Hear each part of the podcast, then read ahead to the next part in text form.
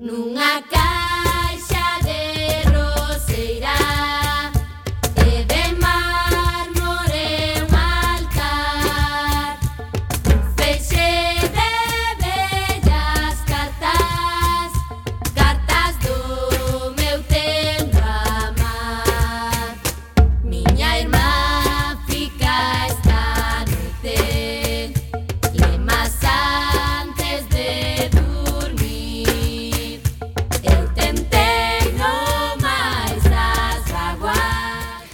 Ola, que tal, recendeiros e recendeiras? Benvidos e benvidas a este espazo radiofónico semanal adicado á cultura que facemos en riguroso directo todos os martes ás 7 da tarde, aquí no 103.4 desta emisora, Coac FM da Coruña.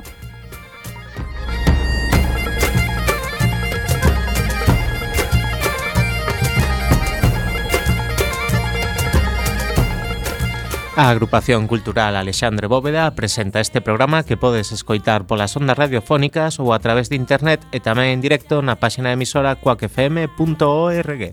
Se non chegaches a tempo, non tes excusa, compañeiro. Podes descargar todos os programas xa emitidos tecleando www.blogoteca.com barra recendoblog ou escoitalo na redifusión, que será os mércores ás 8 da mañá, os venres ás 13 horas e na madrugada do domingo ao luns a 1 da mañá. E a partir de agora, seguídenos nas redes sociais, tanto no Facebook como no Twitter, arroba recendo F, FM, onde queremos formar unha comunidade recendeira. Tamén podes visitar o Facebook da agrupación e en a.c.alexandre.bóveda.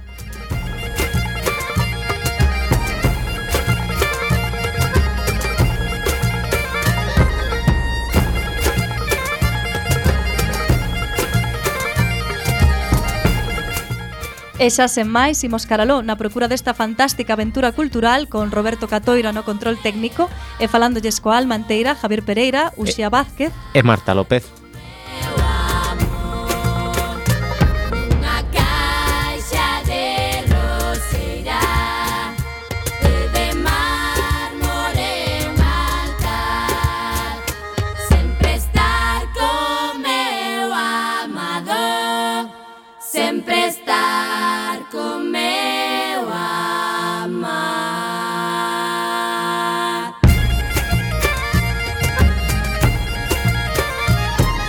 programa número 210. Hoxe está connosco Moncho Dorzán, representando a Hora Galega, que nos falará sobre as Irmandades da Fala, da que se cumpre o centenario.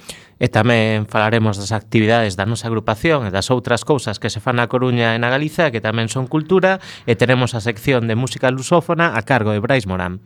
E na música de hoxe escoitaremos música de comezos do século XX escollida polo noso convidado, afamado musicólogo.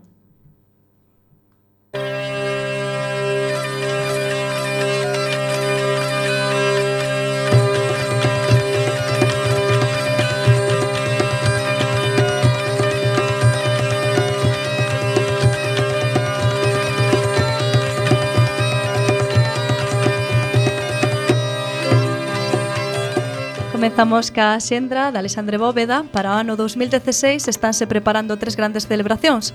O centenario das Irmandades da Fala, o Día das Letras Galegas para Manuel María, socio de honra da nosa agrupación, e o 40 aniversario da nosa entidade. Durante este 40 aniversario, cada mes haberá algún acto importante que iremos anunciando no seu momento. O venres 26 de febreiro, maratón de lectura da obra de Rosalía de Castro a cargo dos alumnos de secundaria e bacharelato do Colexio Calasanz. Será de 5 a 8 da tarde no Salón de Actos da agrupación. Tamén seguen á venda os cinco libros que forman a nosa colección de ensaio, reanudada nos últimos anos. Lembrade que son Formas de ver a bóveda, Señardade da luz, o estudio crítico da obra de Manuel María, escrito polo poeta Miguel Mato, Cartafol de soños, homenaxe a Celso Emilio Ferreiro no seu centenario 1912-2012, Por terras de Lugo oito aproximacións á provincia, con textos inéditos de oito autores lucenses e aspectos da, topo, da toponimia menor coruñesa.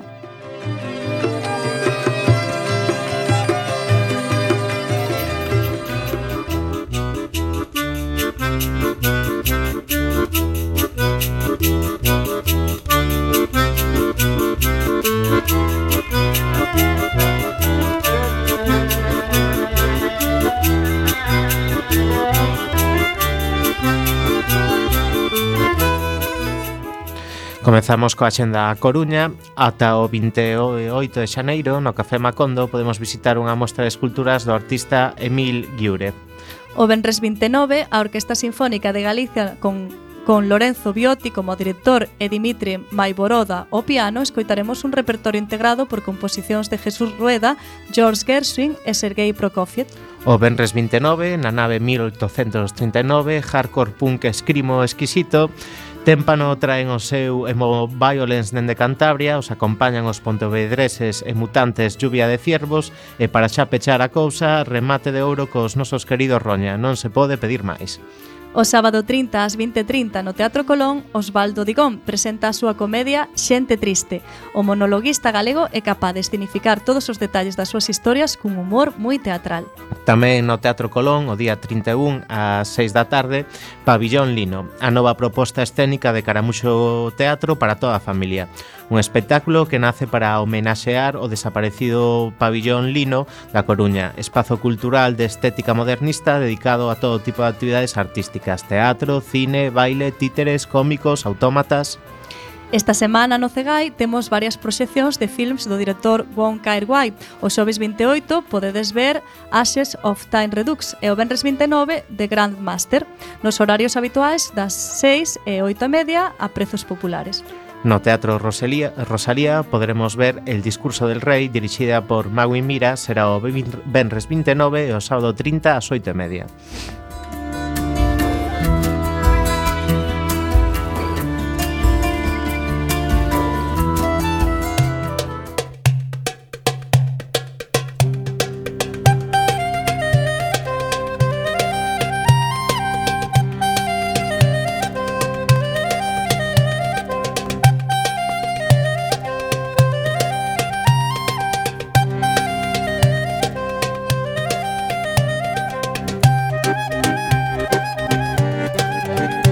Comenzamos ca xenda de Galiza.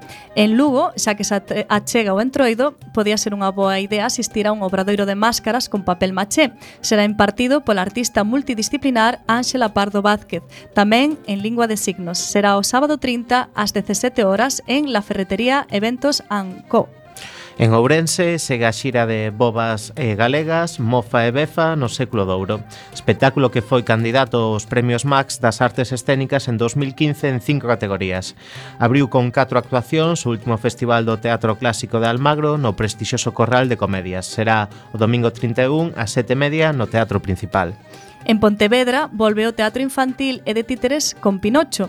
Neste caso, a compañía catalá de Lana Baldufa ofrece Pinocchio, Filio di Gepetto, unha versión particular da obra de Carlo Collodi. Dura 55 minutos e está recomendado a partir de 6 anos. Será o domingo 31 no Teatro Principal ás 12 e ás 18.30. Viaxamos agora a Talalín, non todos os días se celebra a Feira do Cocido, pero esta semana sí, será o domingo 31 a partir das 11 da mañá. O pregoiro será o xornalista Manuel Javois, ás 13 horas comeza o desfile de carrozas, charangas, comparsas, agrupacións musicais e entroidos tradicionais galegos, onde podremos ver o entroido de cobres, o folión de Aveiga, os cachareros de Lalín e os generais da Ulla. En Santiago, o domingo 31, perdón, ás 17 horas no Auditorio A Banca, música tradicional, xa que se celebra a gala décimo, do décimo aniversario dos arman, armadanzas de la, de la Laraño. O fio conductor é a historia de María, unha rapaza zamorana que chega a Compostela para realizar os seus estudos universitarios. Na facultade coñeza xa, natural de Laraño, amante da música, baile e costumes tradicionais. Agora imos ata Vigo. Unha vez houve un grupo chamado Dr. Phil Good, aquela banda de blues que facía punk, antes do punk. E Wilco Johnson foi un dos seus fundadores. Dende 1980, Wilco segue o seu propio camiño xunto co xenio do baixo Norman White Roy e o baterista Dylan Howe. Toca o sábado 30 ás 20 horas no Auditorio do Palacio de Congresos Mar de Vigo. Continuamos por Ferrol. O músico Caxade segue apurando a xira do seu primeiro disco A danza dos moscas. Esta vez chega á sala Super 8 o venres 29 ás 22.30. Agora non falamos de ningún sitio da xeografía galega, falamos de Sarabela Teatro. A magnífica compañía Obresá ten varios bolos esta semana coa súa nova obra Ensayo sobre a cegueira. O venres 29 ás 9 actúan na Casa Cultura do Milladoiro, en Ames, e o sábado 30 ás 8 eh, no Pazo da Cultura en Narón. E producións teatrais excéntricas, esta compañía tamén está presentando a súa nova obra Os amores de Jax o Fatalista. Atuou venres 29 ás 21 no Pazo da Cultura de Carballo e o sábado 30 ás 21.30 no Centro Cultural e Xuvenil de Muros.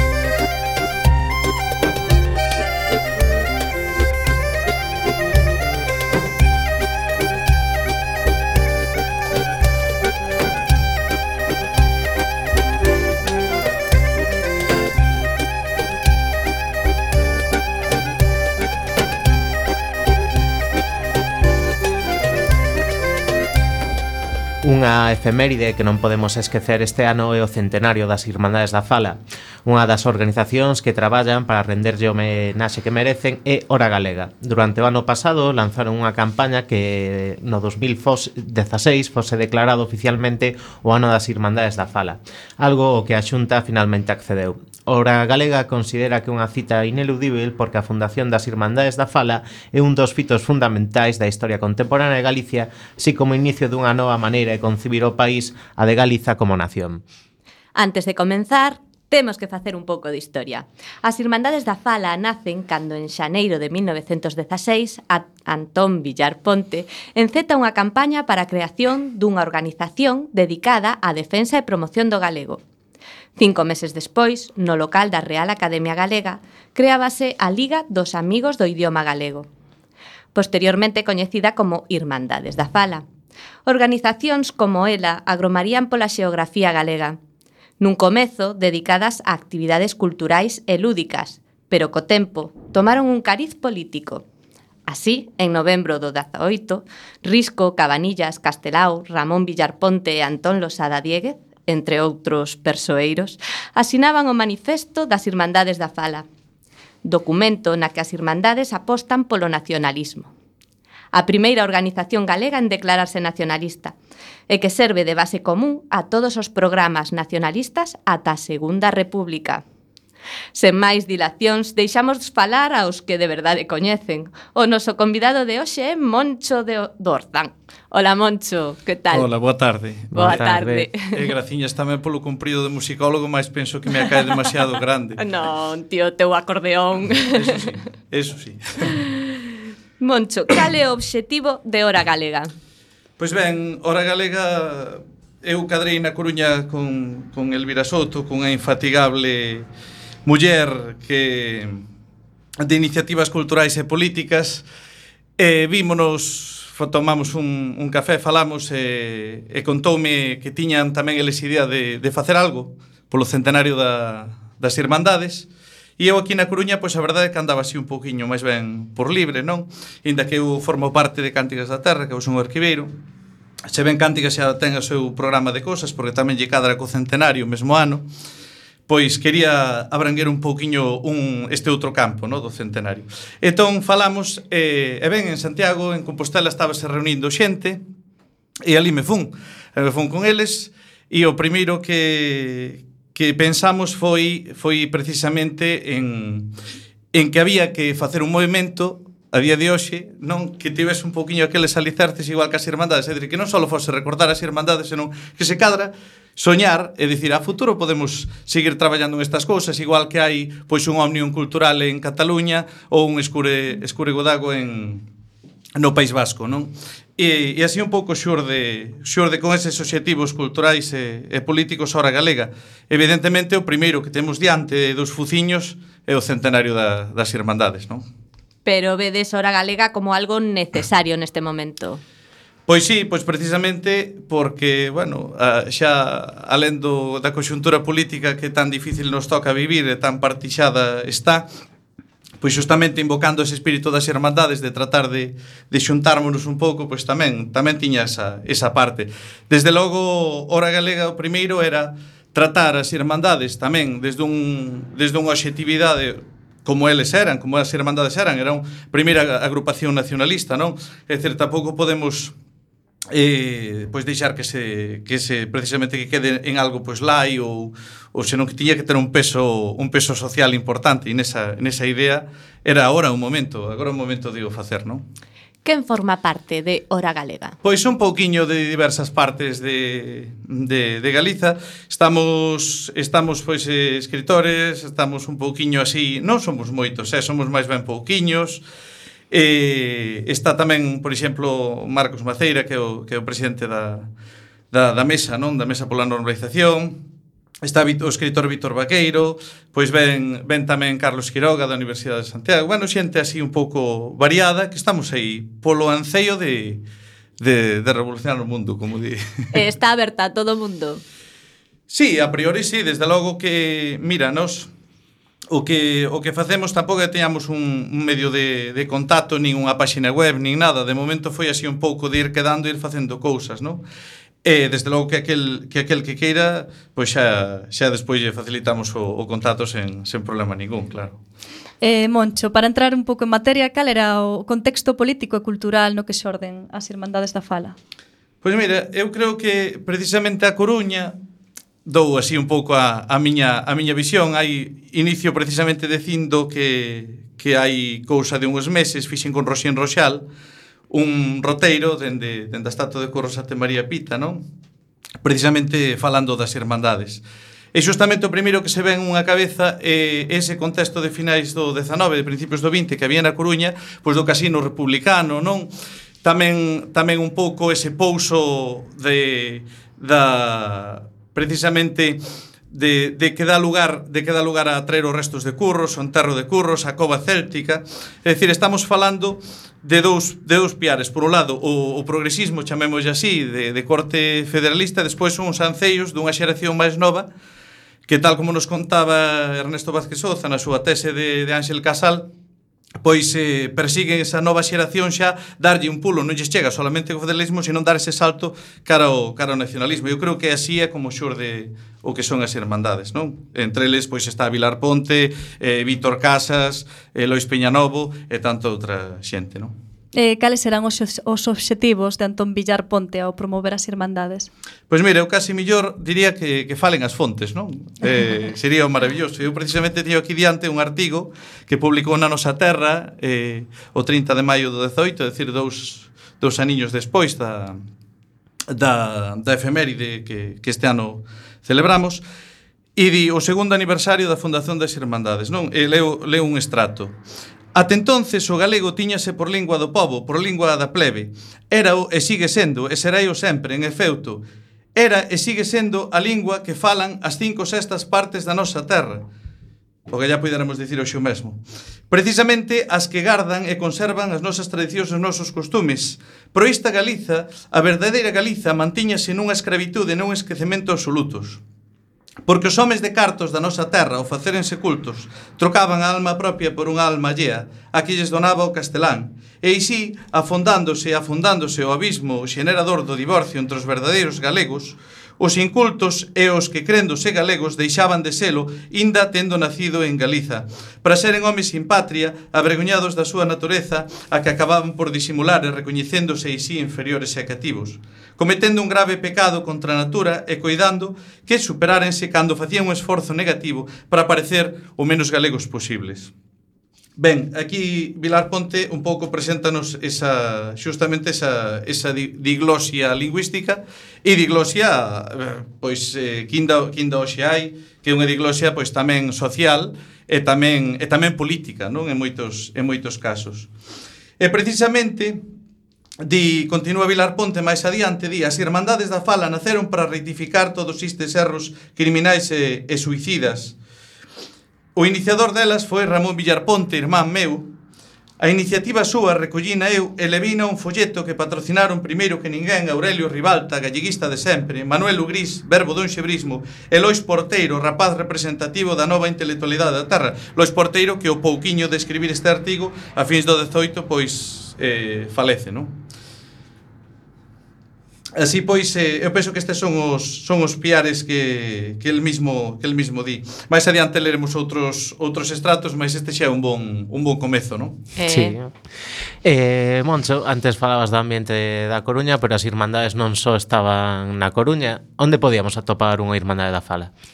Efectivamente, as irmandades estenderonse pois hasta creo recordar 30 ou 30 algo, agora mesmo tampouco vos diría o número o número exacto, eh, si contamos as da Galiza exterior, pois tamén incrementa ese número. Entón, onde podemos encontrar? Mira, cando organizamos o de Hora Galega, unha das ideas, así xa en fi un pouco todo, resulta que falábamos de pero vamos facer só, só isto na Coruña. Imos facer só isto na Coruña non ten sentido. Imos leválo por máis vilas. É precisamente aí é onde empeza o percurso de onde había irmandades.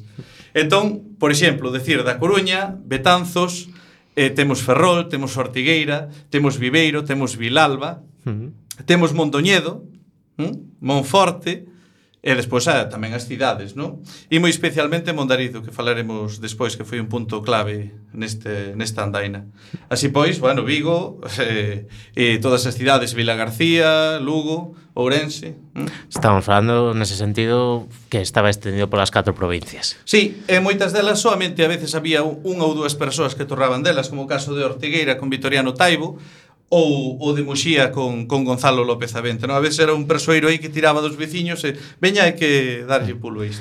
E cal era a procedencia destas persoas que ou ben eh, tomaban iniciativa para formar a Irmandade ou que se unían a ela? Vilar Ponte penso que tiña tiña a idea de, de tratar de xunguir a todos. Vilar Ponte, sempre o digo, era moi ecléctico, é dicir, trataba, Antón Vilar Ponte trataba de coller de unha e de outra parte eh, pois as millores ideas de cada un, no? dentro do que era o ambiente pois galeguista ou federalista, e, e precisamente había correntes, o primeiro de todo, cando nacen as Irmandades, había unhas correntes moi variadas, no?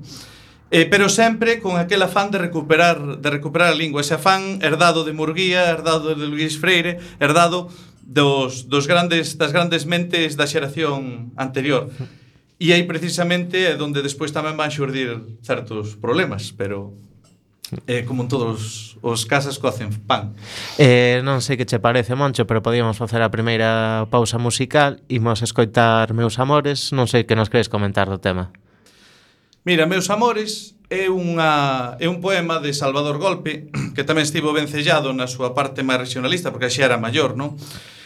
Eh, é un poema de Salvador Golpe con música de, de Xosé Valdomir. E Xosé Valdomir xustamente é o músico un dos músicos que acude o 18 de maio á chamada das Irmandades da Fala. Así que parecía máis que ha caído traer aquí precisamente unha cantiga eh, culta de a piano e voz que era como se facían a maioría das composicións no desde, desde o século XIX pois ata o momento de nacer as irmandades e romperen os coros galegos. Así que nese formato de piano e voz, meus amores.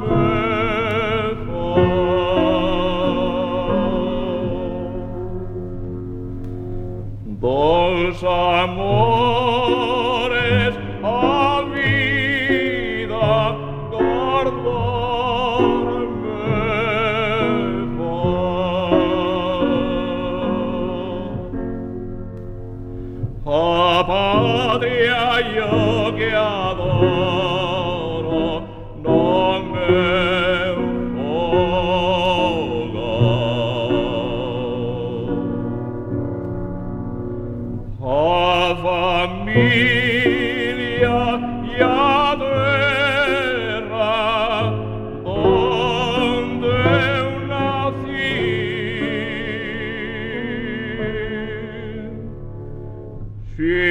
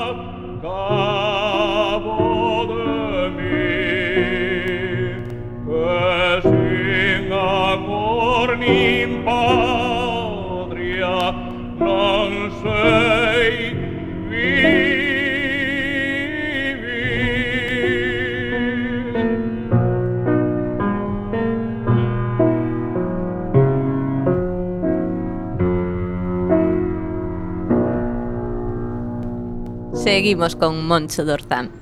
Moncho, como sucedeu dentro das Irmandades ese salto conceptual de declararse nacionalistas? Eu particularmente, se ven hai distintos criterios na, nese aspecto nos investigadores, eh, eu penso que realmente non hai ningún salto eh, conceptual en si sí mesmo.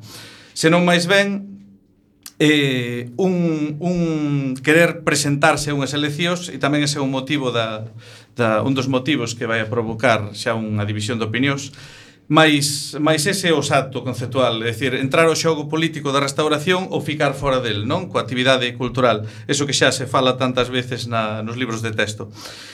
E, entón, para mí o que hai é un é unha progresiva unha progresiva implica, implicación política das hermandades E, e sempre se fala do, do manifesto de Lugo no 18, pero, pero realmente xa antes, xa antes hai moita actividade política. E precisamente exemplo disto é a finais do 17, por exemplo, cando ven unha delegación da Liga Regionalista eh, catalana que ven a Coruña en decembro do 17 ao Teatro Rosalía mm. e precisamente veñen pois eh, pois eh, Francesc Cambó, e eh, Puigui Cadafalch, bueno, Puigui Cadalfalch, para que non o saiba, que vai pola vinguda eh, a, a vinguda diagonal de, de Barcelona e verá casi todas as casas deste arquitecto catalán. É dicir, persoeiros importantes de Cataluña veñen a Galiza e precisamente interveñen xa nun acto propiamente político, casi irmandades, no? inda que non se presentasen a ninguna elección, si aí se falaba de problemas sociais e de problemas políticos e de problemas identitarios. eh, o nacemento do nacionalismo tería sido diferente sen as irmandades, non? Oi, pois eu penso que sí, totalmente diferente. Precisamente porque eles trataron, era unha maneira de ver a vida completa.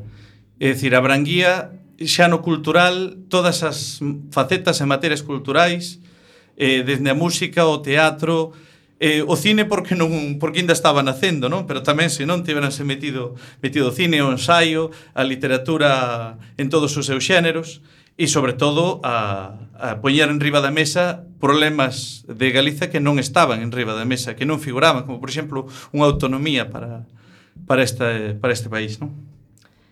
Eh, fálanos agora dos motivos da escisión das Irmandades da Fala. Bueno, son máis ben tiña que ver xente xente que controle, como por exemplo, pois o Xio, o Xio Brogán ou, ou o Xusto Veramendi, non a, a contar máis ao pormenor eh, porque se extinden.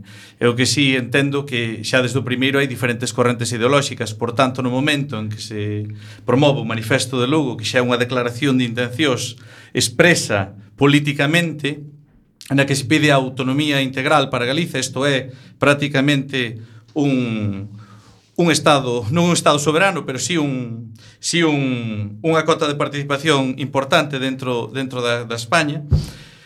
E, e precisamente isto xa vai a crear os primeiras, as primeiras divisións. E despois, por outra parte, está o Grupo da Coruña, que de corte progresista, con esta tradición que vos contaba, e despois está o Grupo de Ourense, pois encabezado por, por Risco, Inda que ben, se ven hai personalidades moi variadas, non é o mismo Risco ou Otero Pedrallo que, que, que, que Arturo Nogueral, Noguerol, perdón, eh, por, por citar algún nome. Inda así, si é certo que, que son os dous postulados tamén, o tradicionalista, vamos a decirlo así, frente a, o máis progresista. Iso tamén é outro dos, das razóns que, que leva este chón.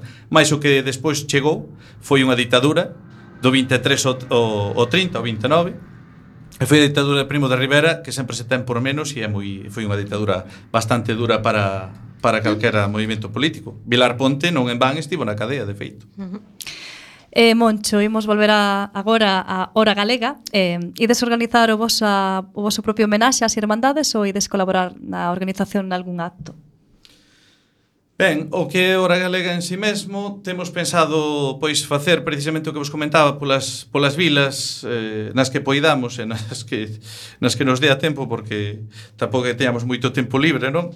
Mas, mas sí é certo que a idea é facer en, en cada vila que se poida unha especie de cortexo cívico entrando á vila, eh, entrando á, á Praza Maior, por exemplo, pois ainda falábamos aí atrás cando Cánticas da Terra eh, levou a Betanzos unha obra de teatro de Leandro Carré, pois no Alfonsetti comentábamos isto, de que podíamos entrar a Betanzos, non? Eh, e chegar aí o, o, a Praza dos Irmáns García na Beira e facer un gran acto cívico, non? Imaginade, pois, 300 ou 400 veciños de Betanzos honrando eh, as Irmandades da Fala, non? Chegar ali, a Irmandade da Fala de Betanzos, e no mesmo no, na praza, pois, que atúe un grupo de teatro ou unha banda de música ou que fose, fose posible. Digo Betanzos por puñer un caso, non? Pero para que me entendades a ilusión que a que que a que pretendemos levar ese, ese modelo. Que actividades tedes programadas? Sobre todo esa, esa. máis máis que nada, porque tampouco é que sexamos ni moi poderosos ni teñamos moitos recursos económicos. Si aí a vontade nosa está a falar precisamente ir falando cos concellos, temos unha reunión agora daqui a pouco co Concello de, de Santiago para facer isto mesmo en Compostela. Na Coruña sabemos que xa o ser o, o centro das Irmandades xa vai haber moitas actividades que xa van a organizar pois as as entidades as institucións, non? Como, como por exemplo, a Real Academia ou, o, o Consello da Cultura ou outras institucións que xa traballan moito niso. Entón, nos centrámonos casi máis no asunto das, das vilas, daquelas outros lugares nos que tamén merecen a, a atención. Non? Eh, para vos, que é o máis importante que temos que lembrar das Irmandades? Ou cal é a importancia de recordar as Irmandades? Pois primeiro a vixencia do seu pensamento, se, se me permitides, eu sei que se cadra despois falamos un pouco do manifesto de Lugo, pero pero se cadra se cadra precisamente algún dos puntos que que hoxe están que hoxe están máis que máis que vixentes, non? Por exemplo, cuestións que xa defendían daquelas, como é a parte da autonomía integral para Galiza, a igualdade de dereitos para a muller, non? E, e na cuestión electoral, é dicir, había, tiñan que votar as mulleres tamén, o sea, unha cousa que era que era bastante revolucionaria para aquel para aquela época. E cousas que están vixentes hoxe totalmente, como por exemplo a soberanía estética da nación galega. Xa daquelas falaban de que que as casas todas eran de pedra, pero que había que conservalas. Imaginade o revolucionario do pensamento pensar agora no en cousas como, por exemplo, eh, sobre das construcións urbanas e rurais, non unha lei que obriga os propietarios a aceitar o estilo das súas construcións o estilo de cada vila galega, a expropiación de movimentos e paisaxes, a organización da ensinanza artística, que a creación dunha escola musical galega. Xa solo, por exemplo, por centrarnos no aspecto no aspecto cultural, no aspecto económico, moitísimo máis está vixente a, a reintegración, por exemplo, a, a repoboación forestal, cousas que, que, cita, que cita o manifesto de Lugo, non? Son, son realmente, por moitos motivos, está máis que vixente, e realmente unha das cousas que queremos é coller o manifesto de Lugo, facer copias e distribuílo entre a xente para que se entere que hai 100 anos xa había xente pensando o mismo que se pensa hoxe, non? eh, Moncho, creo que imos facer outra pausa musical, esta vez foliada de muxía, que nos contas de, desta canción? Mais que da cantiga, eu que quero presentar un pouco son os distintos modelos musicais que houve na época das Irmandades, e en este caso é Cántigas da Terra, nunha grabación de 1928, E, e pensade que, un, que unha das maneiras que tiñan as Irmandades de, de chegar á xente era precisamente a través da música, a través de feito Cántigas da Terra cando nace, no mesmo ano que as Irmandades, o 28 de decembro, de 1916, pois no seu, digamos, nos seus estatutos xa pon e cultivo de todas as manifestacións artísticas de, de Galicia. E é precisamente a música tradicional ou a música popular, en este caso, representada na foliada de Muxía, un, un bon exemplo. Toca a gaita o, o músico, gaiteiro e director de bandas Manuel Fernández Amor eh, nesta fermosa grabación, xa digo, do ano 28.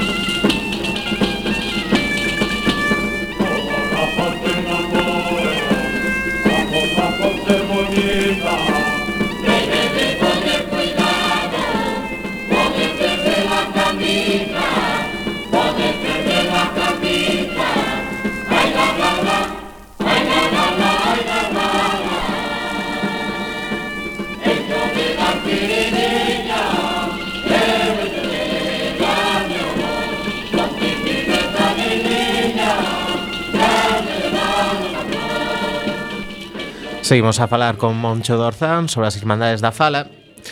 Antes de facer esta pauca, pausa musical, falamos un pouquiño do Manifesto de Lugo, pero o Manifesto de Lugo era avanzado para o seu tempo, está máis ou menos en sintonía co que se noutros lugares, ou era unha rara avisa aí?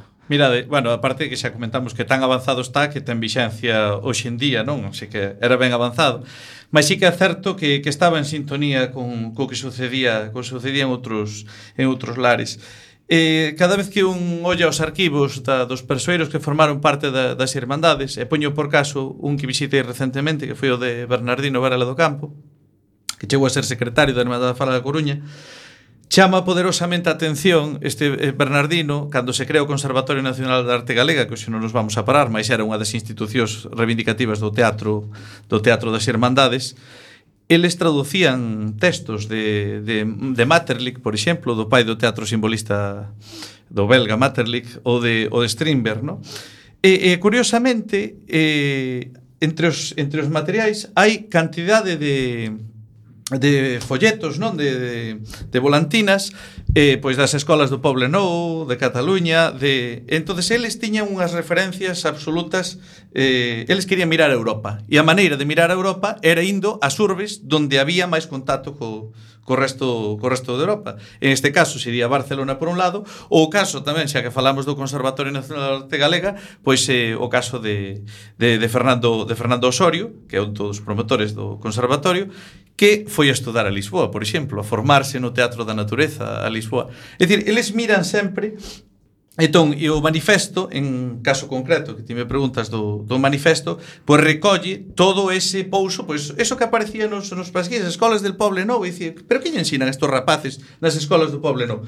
Contra, pois podemos facer isto, ensino da lingua, pero conectado ca natureza, conectado, non sei, isto xa, eh, obviamente, non se pode poñer nun manifesto de Lugo que son unhas liñas, non? Pero hmm. sí, esas liñas encerran todo un pensamento eh, pangalaico. Ah, pensei que falábamos agora.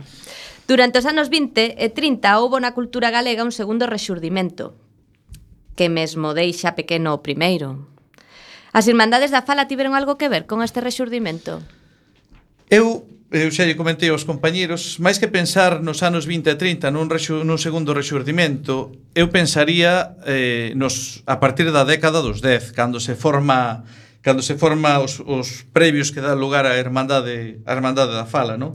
E ese segundo rexurdimento me imagino que vos referides pois justamente a, o primeiro que se inicia eh, pois co banquete de Conxo que chega a finais do século XIX e este segundo pois sería do 16 ao 36, tal é como é como decía Vilar Ponte nese artigo co que eh, que fala precisamente o que vai do 16 ao, ao 36. Eh, e entonces xustamente son eses 20 anos de vida cunha ditadura como a de Primo de Rivera polo medio o que levan a o que levan precisamente a a colocar a colocar ese segundo rexurdimento en circunstancias ben complicadas, non? E pensar, por exemplo, por citar algo, por porque me ven agora que me ven agora agora a cabeza, non? Facer facer no momento antes de de que se abra a Segunda República, antes de que empeza a Segunda República, facer ese ese pacto del Estrobe que fai a Orga, aínda que non sean propiamente as irmandades, e participaba eh xente como Vilar Ponte, non? E e e fixadevos o que supón, non? Que por un lado se, se manifesten políticamente naquele tempo desa forma e despois que o faga o Partido Galeguista e hai un boom, está todo preparado para en moi pouco tempo, moi poucos anos durante a Segunda República construir construir todo un discurso que nos leva hasta o Estatuto de Autonomía, que non é unha broma, eh? O sea, estamos falando de que as irmandades non eran tampouco millóns de persoas. O sea. Eh? E que en pouquiños anos deron artellado moitísimas cousas. Que tipo de actividades organizaban dende as Irmandades? De tipo cultural, político ou de que Pois tipo cultural, en primeiro termo. Pois tipo cultural, obviamente as as máis importantes e as primeiras eran as as veladas, os festivais os festivais galegos, non, que nos que formaban parte os coros, dos coros galegos que houbo que houbo máis de 30 neses neses anos do do 16 ao 36, pois precisamente organizábanse veladas nas que se combinaba eh, a música, o teatro, a literatura, non a poesía. E, por exemplo, por falar de algo, a estrela de Cántigas da Terra é, un, é unha cousa ben, ben curiosa, non? E a Cántigas da Terra xa forman parte varios socios das irmandades da, da Fala, non? O sea, falo desde, desde, o, desde o propio Vilar Ponte, que preside Cántigas da Terra nos anos 20, a, a Leandro Carré, a eh, Xulio Fariña, Xerardo Abazconte e moita, moita outra xente.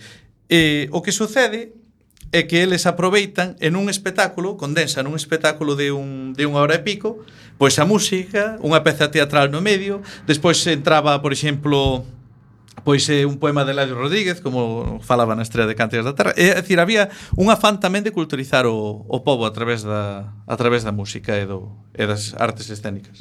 Este tipo de veladas eran moi concorridas, gustaban a xente. Pois fíxate, eh, tanto é así que sempre se fala, casi en todas había un, un ateigado, estaba ateigado o Teatro Rosalía na Coruña, por exemplo, non? Mas non era solamente, solamente a Coruña, todas as, as vilas importantes tiñan tiñan o seu teñen o seu teatro de época modernista, non? E os seus e os seus espectáculos que enchían. Claro que sí, claro que se enchía. Fixadevos que tampouco tiñan que competir, aínda o cine estaba nacendo, non? Sí.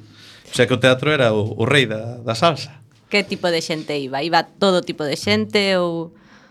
Sí, porque mira, eh, había dous, digamos, por exemplo, falo do teatro, non? Había eses dous modelos, eh, o modelo popular, que quizás o podían eh, levar a cabo os coros populares, non? Os coros galegos, e despois un modelo máis culto que era a liña que seguía o que seguía o, o efímero Conservatorio Nacional de Arte Galega, que si eran xa eran cousas máis complexas, a veces difíciles de dixerir polo público, mas eh, tiña un tiña un atractivo singular, desde logo marcaron pegada, no? que se representase pois obras de, de portugueses como Marcelo Mesquita ou, ou Xulio Dantas, eh, o, o Materling, no? Eh, é dicir, eh, esta, estas cousas de chegar aquí a Coruña e dicir nunha, nunha cidade bastante analfabeta, analfabeta eh, canto a ler e escribir, non en canto a, a, a coñecemento, no? E, e, e, sin embargo, tiñan, tiñan o seu público e o seu tirón. Uh -huh. Todo tipo de xente, vamos. Sí. Eh, unha das irmandades máis activas era La Coruña. Quen formaba parte dela? Home, pois, eh, para empezar, eh, homes e mulleres, que eso tamén é moi importante dicilo, non? Hai unha nova na, na nosa terra, non me acordo agora nin o, nin o día, pero falaba poñía a nosa terra, eu non sei se non é, se non é vero, é Bentrobato, que falaba de que a, a, as Irmandades da Fala tiñan máis de 200 mulleres, non? No, contaban no, como socias, non? O sea, eso era, eso era impensable ainda en calcar asociación de hoxendía, ver onde xuntas... Eh, Cantos socios eran, eh, aproximadamente? Pois, socios, a ver, mira, a Hermandade da Coruña contiña aproximadamente a metade dos asociados, e serían eu calculo que uns 500 sobre a Coruña. Hombre, 200 así... eran mulleres, pues estaba moi ben. Non, non, non, ah. non digo na Coruña só, 200 en toda Galiza, eh. Eh, o sea, 200 en toda Galicia. Claro, estou vale. falando que había 500 socios máis ou menos na Coruña e, uh -huh. e podería haber máis ou menos outro tanto nas outras irmandades. A veces é moi difícil de saber porque incluso moitas vilas non había nin registros, nin se conserva documentación, non? É, é un proceso ah. complexo a veces xuntar todos os datos eh, para poder contabilizar. Nos imos facer outra pequena pausa e imos escoitar a sintonía da nosa sección de música lusófona. Eu quero ser tambor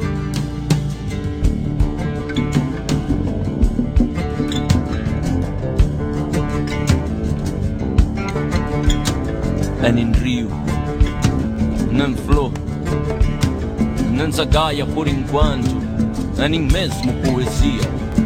Sottombo ecoando como a canção da força da vida Sottombo, noite e dia, dia e noite Sottombo Xa temos connosco a Brais Morán Boas tardes, Brais Hola, boas tardes, recendeiros, como estamos? Estamos moi ben. Que nos vas contar hoxe, Brais?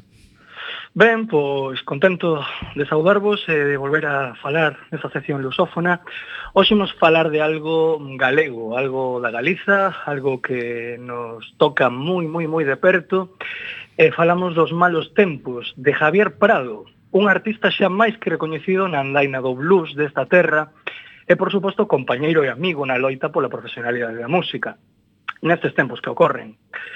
Eh, comeza esta viaxe individual ca idea de aportar a súa cálida gorxa a piques de rachar, combinada cos seus guitarrazos con bo gosto, tanto sensibles como rabiosos e suxerentes. Javi Prado mm, dalle o blues en galego, o que reflexa eh, neste momento social que nos toca vivir, e deste xeito, nesta época, toca romper e abrir fronteiras cara fora. Así, imos escoitar o primeiro single do Cabelo Lunático.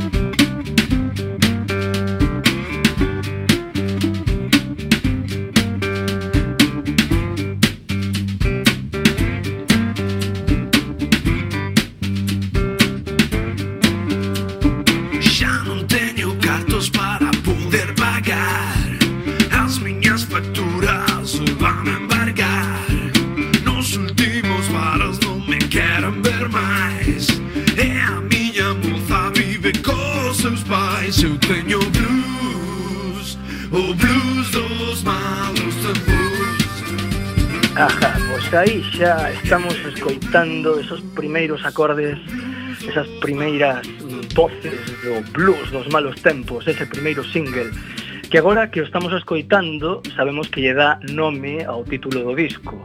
É dicir que é o primeiro mm, disco do proxecto en solitario de Javier Prado, que todos o coñecemos por esa cara visible da banda Mundox Plus Party, máis que recoñecida en todo o panorama musical deste país.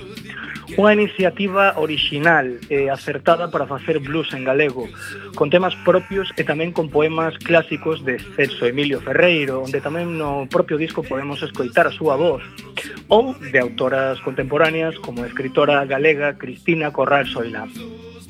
O músico e compositor galego aposta por un traballo novidoso moi en consonancia cos tempos que corren, malos tempos, pero que a mellor maneira de convertilos en vos é sen dúbida tocándos e dándos a coñecer sen perder a esperanza.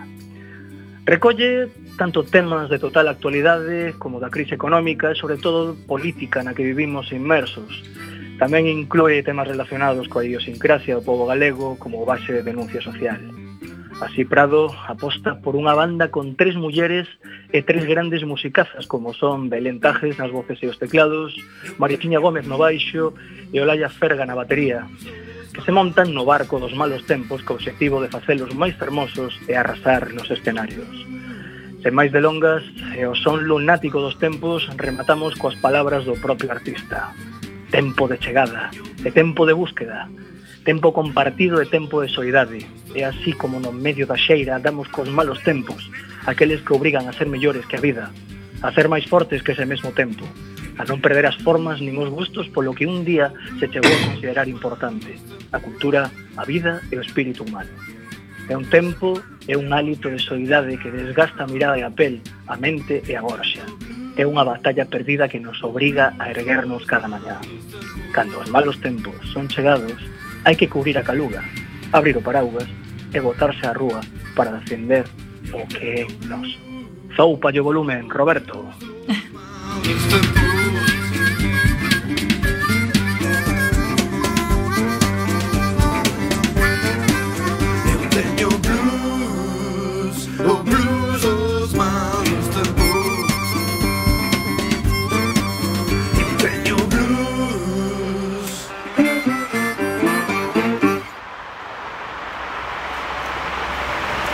retomamos a nosa eh, conversa con Moncho Dorzán que nos estaba contando que unha das irmandades máis activas era da Coruña e cando lle preguntamos quen formaba parte dela di que ah, mulleres. Ah, os nomes, sí, perdón. E que máis nos podes contar? Pois, por exemplo, a parte dos, dos irmáns Vilarponte, pois estaba, estaba Víctor Casas, estaba Lois Peñanovo, que vivía que vivía na, na Coruña xa falei antes de, de Bernardino Varela do Campo por poñer un caso e en canto a mulleres, xa que falamos de tantas mulleres pois a parte das, do caso particular de que os irmáns Vilarponte estaban casadas con dúas irmás que, era, que eran Tareixa e, e Micaela Eh, pois precisamente tamén elas formaban parte, claro. E moitas despois acabaron na, na Asamblea de Mulleres Republicanas da, da Coruña, como, como foi o como foi o caso delas dúas, ou tamén de pois de, de Amparo López Geán por citar algún caso así máis máis coñecido agora que ainda viña na opinión precisamente un artigo de, sobre, sobre esta muller. Hai pouco na Coruña. Pero si sí, é, sí é certo que hai que hai moitísimos nomes. Tampouco agora creo que decir por exemplo Xerardo Roque que foi o, o fundador un dos fundadores de Cántigas da Terra tamén e era socio da Hermandade da Fala da Coruña. Uh -huh. e, e o Leandro Carré por exemplo xa por dicir así algúns nomes a, a bote pronto. E hai eh, algún... Non sei, Moncho, eh, que pegadas temos agora mesmo na cidade que lembren a, as Irmandades da Fala? Que, que roteiro nos recomendas para pa coñecer o legado das Irmandades? Pois un pouco como fixen con como fixen con Roxín Roxal hai uns meses, pois precisamente partiríamos da, da estatua de Curros Enríquez, non? Que se inaugurou no 34 por suscripción popular eh, precisamente a iniciativa da Academia Galega, esa obra fermosísima que debería ter xa un letreiro e que xa desde aquí convidamos ao Concello a que lle poñe chante un letreiro dicindo que de que vai ese monumento a Curros Enríquez, un dos monumentos máis importantes que hai en Galiza, E precisamente esa obra de, do escultor Asoreino. E, e xustamente aí é un símbolo porque lembra que en 1908 chegaron os restos de Curros Enríquez. Foi un acto tan importante, ese enterro tan multitudinario, que marcou semente para esta nova xeración que deu lugar ás, ás irmandades. No? Se seguimos, obviamente, encontramos un obelisco, o obelisco pois que foi erixido en 1895 e que precisamente é tamén símbolo do, do, do federalismo coruñés, non? Da, eh, e republicanismo coruñés. Mas se seguimos cara dentro, estou falando casi de prolegómeros, non? Se seguimos cara dentro xa encontramos de facto o primeiro primeiro piar que é o número 30, 36, os números 38 e 36 da Rúa Real. O 36 porque era editorial Lar, onde Ángel Casal Mira, outro nome. É que non vexemos preguntas directos, non cho sei dicir. Donde ser Casal, precisamente, eh, e Leandro Carré tiñan esa editorial LAR que tanta, tantas obras publicou, precisamente tamén noveliña curta, moitísima. E ao lado, no 38, estaba algo non menor, que inda que non era netamente das Irmandades, tiña moito a ver con ela. Se veredes o que era, é a tenda de, de, de música de Canuto Berea. Canuto Berea é esa saga de Os Bereas son esa saga de, de músicos coruñeses, non? que precisamente pois eh, na altura na que nacen as Irmandades eh, a máis de tenda de música convertese en editorial. Entón, Canuto Berea Rodrigo, o fillo do alcalde da cidade, pois monta esa editorial de partituras. E aí vendíanse, aí editábanse as grandes obras pois como Meus amores de, de Valdomir ou, ou xa podemos ir aos clásicos, A negra sombra ou As lixeiras anduriñas, por exemplo, por citar algúns exemplos do do rexurdimento musical anterior e tamén as obras que se estaban creando naquel momento con poesía con poetas, con letras de poetas do, da altura. Eh, bueno, imos escoitar un, unha antiga versión do himno galego. Que nos contas desta versión, Moncho? conto vos que ainda, bueno, como xa se nos fai tarde, o roteiro remataría en Rego da Auga, eh? Habería que ir hasta Rego da Auga e hasta, e hasta María Pita, en Rego da Auga, onde estaba a sede, eh? e despois en María Pita, nas escolas de ensino galego, onde está a Paideia, que foi tamén onde, onde daba Ángel Casal as súas escolas de, de galego, entre outras cousas. Do, do hino galego, pois, Esta grabación ven ao caso é Cánticas e Truxos de Lugo. Esta grabación do hino galego ven ao caso porque foi feita en 1918 O precisamente o día seguinte de se fundar a Irmandade da Fala dali, da cidade das murallas. Así que ten un valor simbólico de ser unha, unha das primeiras grabacións do hino galego. Digo das primeiras porque sempre se hai que curar en saúde.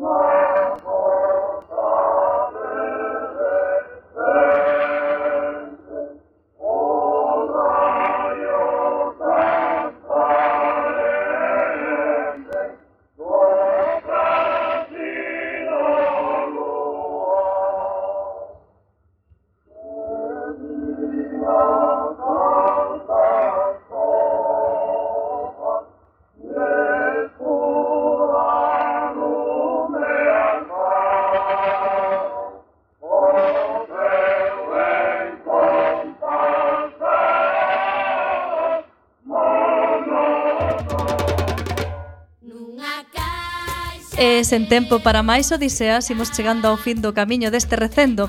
Despedimos o programa de hoxe agradecendo aos nosos convidados que, como sempre, son de honra. Hoxe tivemos a Moncho Dorzá, membro de Hora Galega, e a Brais Morán na sección de Música Lusófona. E agradecendo a semente petrangular de todo o noso comando de equipo de producción formado por Uxía Vázquez, Roberto Catoira e Javier Pereira.